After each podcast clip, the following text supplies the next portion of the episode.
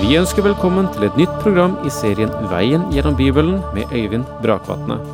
Denne studieserien er produsert av P7 Kristen Riksradio og bygger på serien Through the Bible av Vernon McGee. I dag fortsetter vi med Johannes' åpenbaring.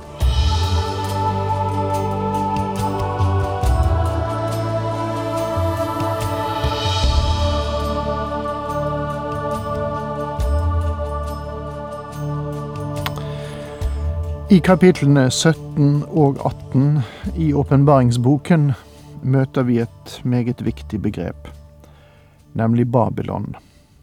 Det er sagt eh, noe om Babylon tidligere, eh, også i åpenbaringsboken, og, eh, og Babylon behandles ikke bare som en politisk størrelse, men også som et religiøst system andre steder i Bibelen.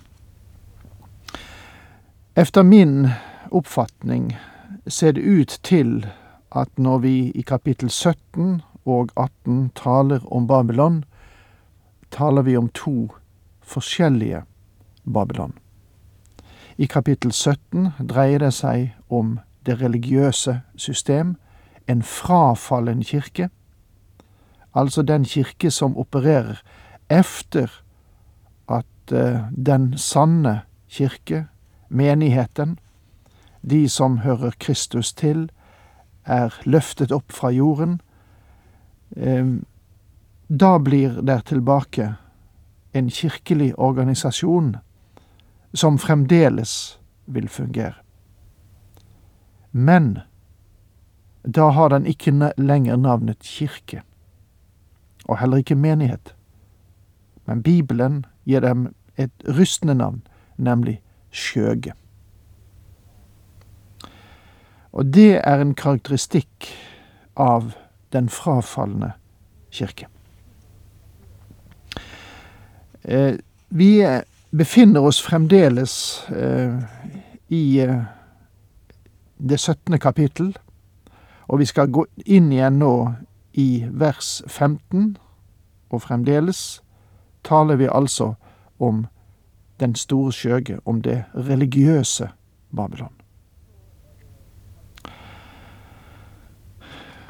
Så er det Johannes får videre både se og høre. Han sier videre til meg, vannene du så, der skjøgen troner, er folk og folkemasser og nasjoner og mennesker med ulike tungemål, og de ti hornene du så, og dyret, de skal komme til å hate skjøgen, legge henne øde og gjøre henne naken, spise hennes kjøtt og brenne henne opp med ild, for Gud inngav dem i hjertet å utføre hans plan, så de ville ett og det samme, overgi sin kongemakt til dyret, inntil Guds ord er blitt oppfylt. Men kvinnen du så, er den store byen som har kongemakt over jordens konger.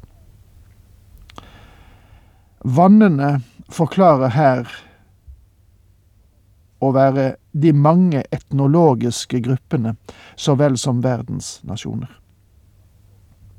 Dette bildet sammenfaller med det som ble brukt i Det gamle testamentet.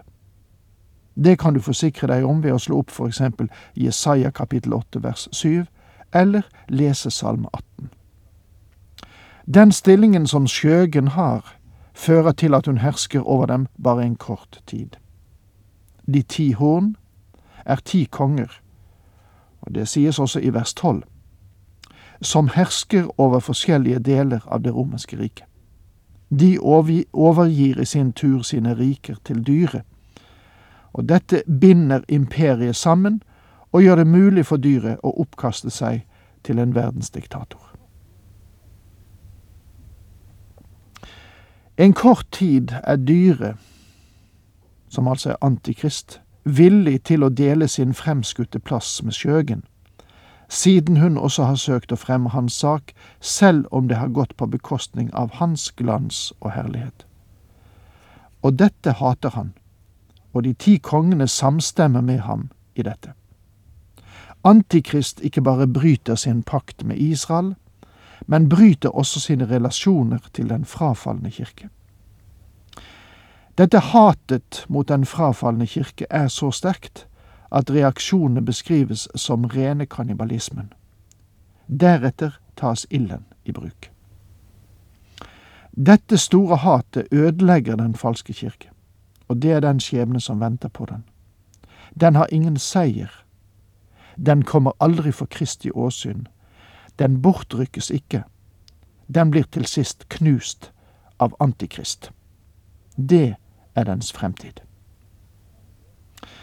Ved dette oppfyller Antikrist og hans ti allierte Guds ord og fullbyrder hans vilje, på samme måte som Asyria, som forutsagt i Jesaja 10, vers 5-19, og like sikkert som keiser Augustus gjorde det da han signerte skatteforslaget som sendte Maria og Josef ut på reise til Betlehem, slik at Skriften kunne fullbyrdes.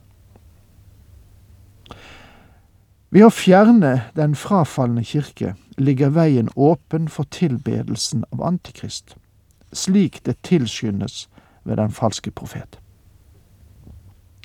Kvinnen er et religiøst system, som vi har sett her, men jeg tror at hun også blir identifisert som en by, og byen kan være Rom.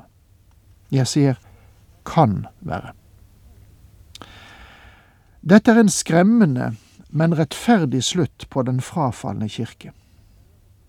Dette forbedrer ikke situasjonen, men fører til den mørkeste periode for alt religiøst liv i verdenshistorien. Antikrists herskertid og religion er den mørkeste time jorden vet, men likevel er det den uunngåelige slutt på den mistillit som begynte i Edens hage, da mennesket ikke ville tro Gud. Det fikk ny kraft gjennom Babels tårn, som var en aksjon fra dem som sto Gud imot. Og klimaks ble nådd da Jesus Kristus ble korsfestet og mennesket fornektet ham som er veien, sannheten og livet.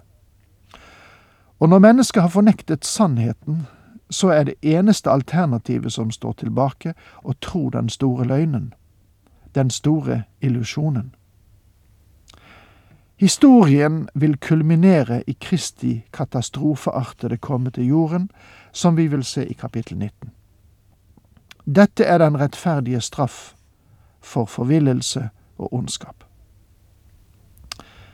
Min venn, som en kristen burde du være takknemlig i ditt hjerte når du vet at du vil bli spart for den store trengsel, men du burde også ha en levende og brennende omsorg for dine kjære, som kan komme til å møte denne fryktelige periode som ligger forut.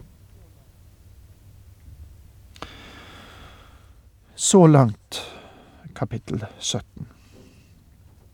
Nå har vi tid til å gå inn også i kapittel 18. Og her møter vi altså et annet Babylon, så langt som jeg kan se det nemlig det politiske og kommersielle Babylon. Og her, i dette kapitlet, møter vi dommen over det kommersielle Babylon og de reaksjoner på det som kommer både fra jord og himmel. I kapittel 17 og 18 møter vi, som jeg flere ganger har satt sagt to forskjellige Babylon. Babylon i kapittel 17 er kirkelig. Babylon i kapittel 18 er økonomisk. Det første er religiøst, den frafalne kirke som gikk inn i den store trengsel. Det andre er politisk og kommersielt. Det kommersielle senter blir elsket av kongene på jorden, og den frafalne kirke blir hatet av kongene på jorden, som vi så i kapittel 17. Den frafalne kirke blir knust av kongene på jorden. Når Kristus vender tilbake, vil det politiske Babylon bli ødelagt ved Guds dom. Det virker som om mysterienes Babylon, den frafalne kirke, ødelegges først, midt eh, under trengselstiden mens det kommersielle Babylon vil bli ødelagt ved Kristi annet komme. Disse to Babylon ser ikke ut til å være én og samme by. Personlig tror jeg at mysterienes Babylon er Rom, og at når vi kommer midt i tiden for trengselen, Da overføres det religiøse sentrum til Jerusalem, fordi det er i Jerusalem at den falske profet vil sette opp et bilde av Antikrist som skal tilbes. Det kommersielle Babylon er det gamle Babylon, bygget opp igjen som et kommersielt hovedset i verden. Denne byen er den siste hovedstad for dyrets politiske makt. For få år siden syntes det utenkelig at makten i verden kunne ligge i Midtøsten. Men så opplevde vi oljekrisen, og nå er vi klar over at det finnes en veldig makt i dette området. Mye av verdens rikdom samles i dette området på grunn av oljeprisen. Og det er ikke lenger utenkelig at verdens store kommersielle senter kan komme til å ligge nettopp her. Og dette store økonomiske, kommersielle sentrum, som vil være et gjenoppbygd Babylon, vil bli ødelagt ved Kristi annet komme. For noen år siden utfordret en jøde den israelske minister for turisme ved å si hvordan kan det ha seg at alle land som omgir Israel har olje, men Israel har ingenting? Ministeren svarte slik. Gud gav araberne olje og jødene sin bibel. Vil du bytte med dem? Må Gud forby det. Oljen vil bli tappet raskt nok, men Skriften blir for alltid. Ja, så langt den israelske ministers ord. Det har vært en viss meningsforskjell blant konservative bibelfortolkere om det gamle Babylon skal bygges opp igjen eller ikke.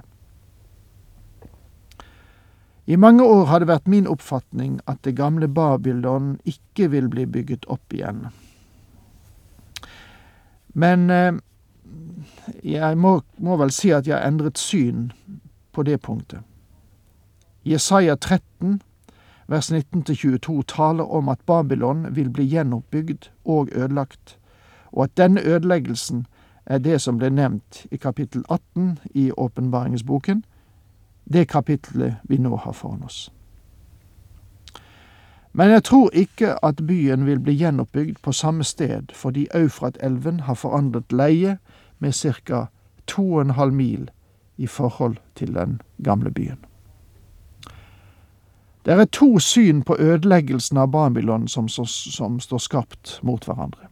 Synspunktet og perspektivet her er meget viktig. For det første, deres reaksjon som har med næringslivet og politikk å gjøre, er stor angst. For dem representerer dette en tragedie. Det betyr total bankerott for de store finansoperasjoner. Den andre reaksjonen vi møter, er sett fra himmelens synsvinkel, og den representerer en stor glede fordi Guds hellighet og rettferdighet blir bekreftet. Og det betyr slutten på menneskets syndige framferd på jorden, og dette vil markere slutten på den store trengselstid. Og med det, takk for nå, Herren med deg.